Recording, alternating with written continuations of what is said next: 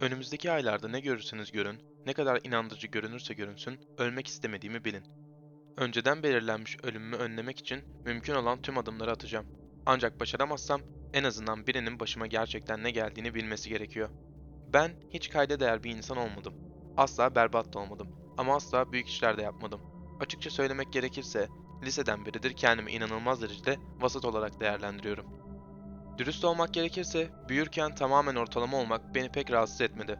Hayat nezaketliydi, mücadele etmedim ve kendimi geliştirmek için çok fazla zamanım olduğunu hissettim. Ama 30'lu yaşlarıma geldiğimde harcadığım zaman güvenimi yıpratmaya başladı ve kendiyle barışık benim yerine bir anksiyete istila etti. Kendimi daha iyi hissetmek için eski ev videolarıma bakmaya karar verdim ve yaşama tutkumu nerede kaybettiğime dair bir fikir edinebileceğimi düşündüm. Marketteyken ailemin bodrum katını kazarak uzun zamandır unutulmuş anılarımı aradım. 2000'li yılların başlarında VHS kasetlerin piyasadan silinmesinden bu yana hiçbir şeyi filme almamıştık. Ancak biraz şansla babamın sahip olduğu sonsuz erteleme yeteneğiyle hem kasetlerin hem de oynatıcının hala toz kaplı kutularda boşta beklediğini gösteriyordu. Uzun bir aramadan ve toz bulutlarından birkaç öksürük nöbeti geçirdikten sonra ana videolar yazan bir kutu buldum. Kutu eski kasetlerle ve oynatıcının kendisiyle ağzına kadar doluydu. Çekim yaptığımı hatırladığımdan çok daha fazlaydı ama nostaljiye olan açlığımı çoktan tatmin etmeye başlamıştı. En azından biraz ilham bulacağımdan ve filmlerin içinde dolaşacağımdan emindim. Bu yüzden biraz tereddütle, onları hevesle tek yatak odalı daireme getirdim ve eski oynatıcıyı modern televizyonlara uydurmak için bir ton adaptör kullanarak bağlamayı başardım. Adam Daves, öne çıkanlar 1985 ve 2006. Etiketli ilk kaseti aldım ve oynatıcıya yerleştirdim. Görüntülerin bir kısmı bu noktada 30 yıldan daha eski olsa da kasetin kendisi oldukça yeniydi ya da en azından VHS kasetlerin olabileceği kadar yeniydi. Bu birisinin filmi korumak için görüntüleri daha yeni bir kasete aktardığı anlamına geliyordu. Muhtemelen annemdi. Geri sarılması gerekiyordu. Kasetin başlangıcına sürüklenen yüksek fızıltı sesini dinlerken kendime bir bardak ucuz viski koydum. Sonra oynata bastım. Zayıf odaklanmış bir resim geldi. Kısmen tarihin kapsadığı 5 Ocak 1985 okunuyordu. Ben bir bebekken anne karnından zar zor çıkmıştım ve kameranın arkasındaki kişi annemdi. Oradaki küçük bana sevinçle gülerken beni gülümsetmek için garip sesler çıkarıyor, komik el hareketleri yapıyordu. Ben de gülmeye başladım. Yarım saatlik çekimlerle oturdum. Kendimi büyürken izledim ve bu olayları hatırlamamış olsam da bir zamanlar kaygısız bir neşe ve keşif hayatı yaşadığımı görmek güzeldi. Her şey harika hissettirdi ve ben farkına bile varmadan ilk mutlu anılarımdan biri olan 1989 Noel'ine gelmiştim. 4 yaşındaydım. Büyük boy bir Noel Baba şapkası takmış, halı kaplı zemine oturmuş ve rengarenk sarılmış bir Noel hediyesiyle oynuyordum. Arka planda neşeli bir müzik çalıyor ve yere yığılmış yırtık ambalaj kağıtları için heyecanlanan bir köpek ise ortalıkta koşuyordu. Köpek sonunda bana koştu ve ben onu uzaklaştırmaya çalışırken hediyemi şakacı bir şekilde çekmeye başladı. Seyretmek için harika bir sahneydi ve o günün belirsiz bir anısına sahip olsam da bir köpeğe sahip olduğuma dair kesinlikle hiçbir şey hatırlamıyordum. Beni yanlış anlamayın, köpekleri severim. Aslında hep de istemiştim ama çocukluğumda gelişen korkunç alerjiler nedeniyle ailem beni her zaman tüylü ve sevimli yaratıklardan uzak tuttu. İlk düşüncem köpeğin başka bir aile üyesine ait olduğuydu. Ancak yıllar geçtikçe köpek kaderimin bir arkadaşı oldu ve kasette birkaç kez daha göründü. Görüntüler açıkça gerçek olmasına ve çekimin merkezinde ben olsam da hayatım boyunca hiçbir anımda köpeği hatırlayamıyordum. O köpek 12 yaşıma kadar beni takip etti ve aniden kasette görünmeyi bıraktı. Muhtemelen yaşlılıktan vefat etmişti. Ancak diğer kliplerin hiçbirinde hakkında hiçbir şey yoktu. İlkokul yıllarımı, sonra lise yıllarımı ve sonunda üniversitemi izlemeye devam ettim. Her şey tam olarak hatırladığım gibiydi. Hayat anımdaki her dakika ayrıntısı, köpek hariç her şey. Kaset sona yaklaşırken tarih 7 Ekim 2006 idi.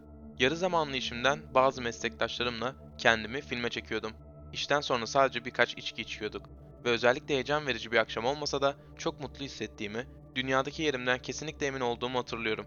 Herkes gülüyordu ve gerçekten harika vakit geçiriyor gibiydik. Akşam devam etti ve görüntüler daha özensizleşirken hafızam bulanıklaştı. Çoğu zaman aşırı alkol tüketiminde olduğu gibi o geceden kalma hafızamda boşluklar vardı. Ekran birkaç saniye karardı ve görüntü geri döndüğünde biri beni barın diğer tarafından filme alıyordu. Kamerayı kim tutuyorduysa arkadaşlarımdan biri değildi ya da onlara hiç dikkat etmemiştim. Görüntülerde yine de birkaç meslektaşımla masada oturuyordum, hesabı ödemeden önce son biramı bitiriyordum. Bardan çıkarken kameraman mesafesini koruyarak bizi takip etti. Hala varlığından haberimiz yoktu. Bizden habersiz bir yabancı kameramı ele geçirmişti ve sarhoş halimle hiç fark etmemiştim. Arkadaşlarım beni taksiye bindirirken o da bizi sokağın aşağısından takip etti. Klip sona erdi ve ekran bir dakika boyunca siyaha döndü. Kasetin sonuna gelip gelmediğimi merak ettim. Ama zamanlayıcı saymaya devam etti. Görüntü geri döndüğünde karanlık bir sahneyle karşılaştım. Kamera loş bir yola dönüktü ve cadde boyunca yavaşça kaydırıldı. Ufak moloz parçaları ve kumaş parçaları yolun etrafına dağılmıştı. Hepsine uzaktan gelen belirsiz bir çatırtı sesi eşlik etti. Çok geçmeden kamera parçalanmış ve kısmen yanmış bir arabayı gösteriyordu. Kameraman enkaza yaklaştı. Kazanın ciddiyetini görünce şok içinde nefesimi tuttum. Sürücünün kafası direksiyon simidi tarafından tanınmayacak şekilde parçalanmıştı. Çabuk, beklenmedik bir şekilde öldü. Ama yolcu olan ben hala hayattaydım. Kamerayı çaresizce koltuğumdan kurtulmaya çalışırken parçalanmış vücuduma yakınlaştırdı. Ama bükülmüş metalin altına sıkışmıştım ve kırık bacaklarım onun içinde sıkışmıştı. Ateş ilk başta yavaşça yayıldı ve kameraman vücuduma ulaşırken boş boş izleyerek durdu. Yine de kimsenin beni filme aldığını fark etmedim. Ateş daha hızlı yayılmaya başladı ve vücudumdan yüzüme doğru tırmanmaya başladı. Giysilerim cildime kaynaşıyor ve sıcaktan yüzüm kavrulurken acı içinde çığlık atmaya başladım. Ateş cildimin çoğunu yakıp sinir uçlarının her birini öldürdükten sonra çığlık atmayı bıraktım. Ancak hareket etmeyi hiç bırakmadım. Kaslarımın çalışması durana kadar. Nihayet sessizleştim. Sahnenin ne kadar sürdüğünden emin değilim. Geri dönüp kontrol etmek de istemiyorum. Sustuğum ve sonunda öldüğüm ana kadar yalvaran çığlıklarımın her saniyesini dinlerken korku içinde donup kaldım. 7 Ekim 2006'da hayatım kamerada sona ermişti. Bu sadece ilk kasetin sonuydu. Bir tür hastalıklı şakanın kurbanı olup olmadığımı anlamaya çalışırken suskun bir şekilde oturdum. Başka bir kaset çıkardım ve başta okudum. Adam Davis, Öne Çıkanlar 1985 ve 2002.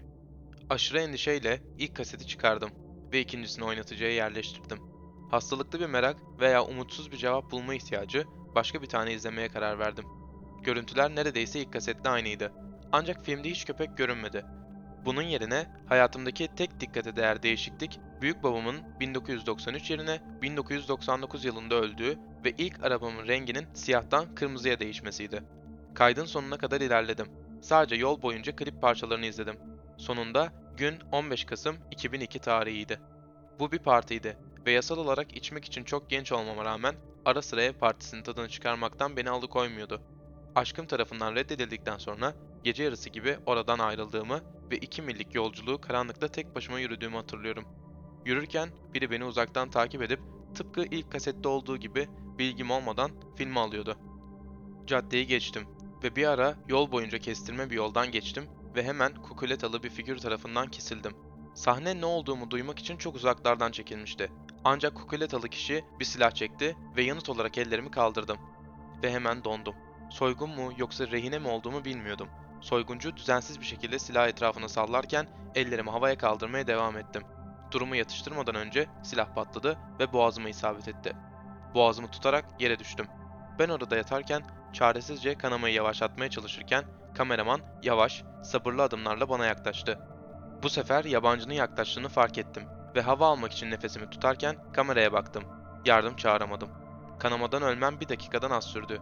Kamera son nefesimi aldığım ana kadar panikleyen yüzüme sürekli yaklaşıyor, sonra siyaha dönüyordu. 2002'de sokakta tek başıma öldüm. Nedenini ise asla bilmedim. Aynı sahne kayıtların her biri için kendini tekrar etmeye devam etti. Her seferinde küçük detaylar değişiyordu. Anlam ifade etmeyen anılar, olmayan şeyler ama her zaman benim zamansız ölümümle bitiyorlardı. 29 Eylül 2004'te arabam nehre daldığında boğuldum. Camlar açılmadı ve ön camı kıramadım. 13 Ocak 2005'te komşu bir şehirde tek başıma yürüyüş yaparken bir uçurumdan düştüm ve bacaklarımı kırdım. Düşme, atar damarlarımdan birini kesen açık bir kırılmaya neden oldu ve çaresizce yardım için emeklemeye çalışırken kanamam tam bir saatimi aldı. Her biri bir yabancı tarafından filme alınan, asla bir yardım eli sunmayan, tek bir kelime söylemeden 4 ölüm. Kasetlerle birlikte ailemin evine döndüm ve neler olup bittiğini öğrenmek istedim. Onlara bir kez baktılar ve varlıklarını bildiklerini reddettiler. Babamın aşırı tembelliğine rağmen çoktan görüntüleri dijital ortama aktarmaya, sabit diske koymaya ve ateşe dayanıklı bir kasada saklamaya başlamıştı bile. Bana çektikleri ev videolarını gösterdiler ve her şey sonunda korkunç bir ölüm olmadan hatırladığım gibi ortaya çıktı. Ben yurt dışındayken sadece bir yıl önce orada depolanan eşyaların çoğu bir sel felaketi nedeniyle yok olmuş.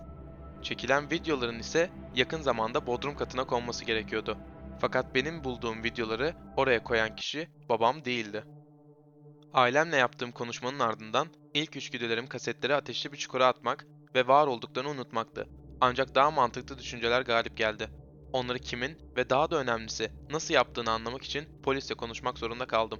Onları arabama yükledim. Bir tanesinin işaretlendiğini fark ettiğimde her bir başlığı tekrar kontrol ettim. 1985, 2021 öne çıkanlar. Öylece dondum ve elimdeki kasete baktım. Gelecek tarihli bir kaset tutmak yeterince tuhaftı. Ama sonunu zaten biliyor olmam beni daha da korkuttu. Sonsuz bir tefekkür gibi gelen şeyin ardından kasetin ne sunması gerektiğini görmeye karar verdim.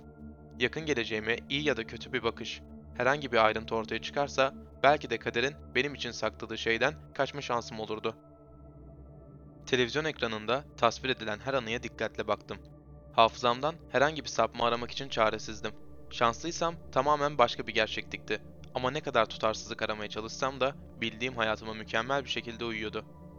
Kaset Aralık 2020'ye ulaştığında derin bir nefes aldım ve videoyu bir anlığına duraklattım. Belki de polise izin vermeliydim. Kader önceden belirlenmişse onu nasıl önleyebilirdim ki? Ama bana ne olacağını bilmeliydim. Dürtü dayanılmazdı. Başlata bir kez daha bastım.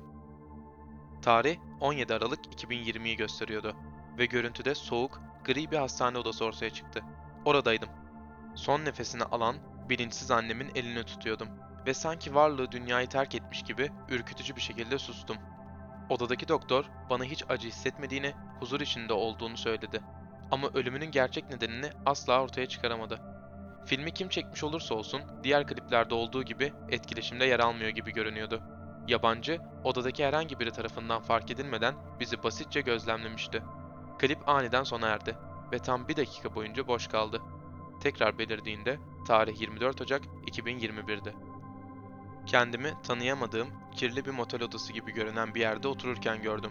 Yatağın kenarına otururken ellerimi kucağımın üzerine kavuşturdum. Açıkça üzgün görünüyordum ve odadaki kameramana çok fazla dikkat etmiyordum.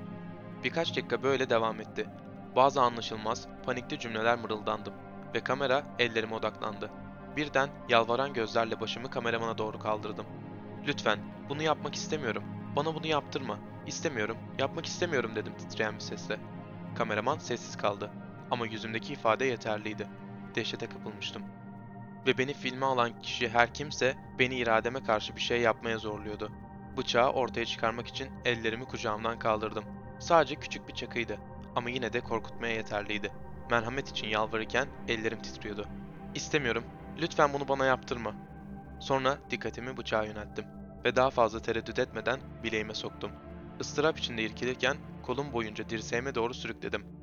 Kesikten viskoz kan akarken yatakta hareketsiz oturdum. Hayat vücudumdan yavaşça çekilirken kamera bana odaklandı. Dakikalar geçti ve yere düştüm. Kan kaybına yenik düşmeden önce son bir nefes verdim. Kaset tanıdık pürüzlü çizgiler ve gri ekranla sona erdi. Tiz, tek düze bir bip sesi bana eşlik edecek tek şeydi.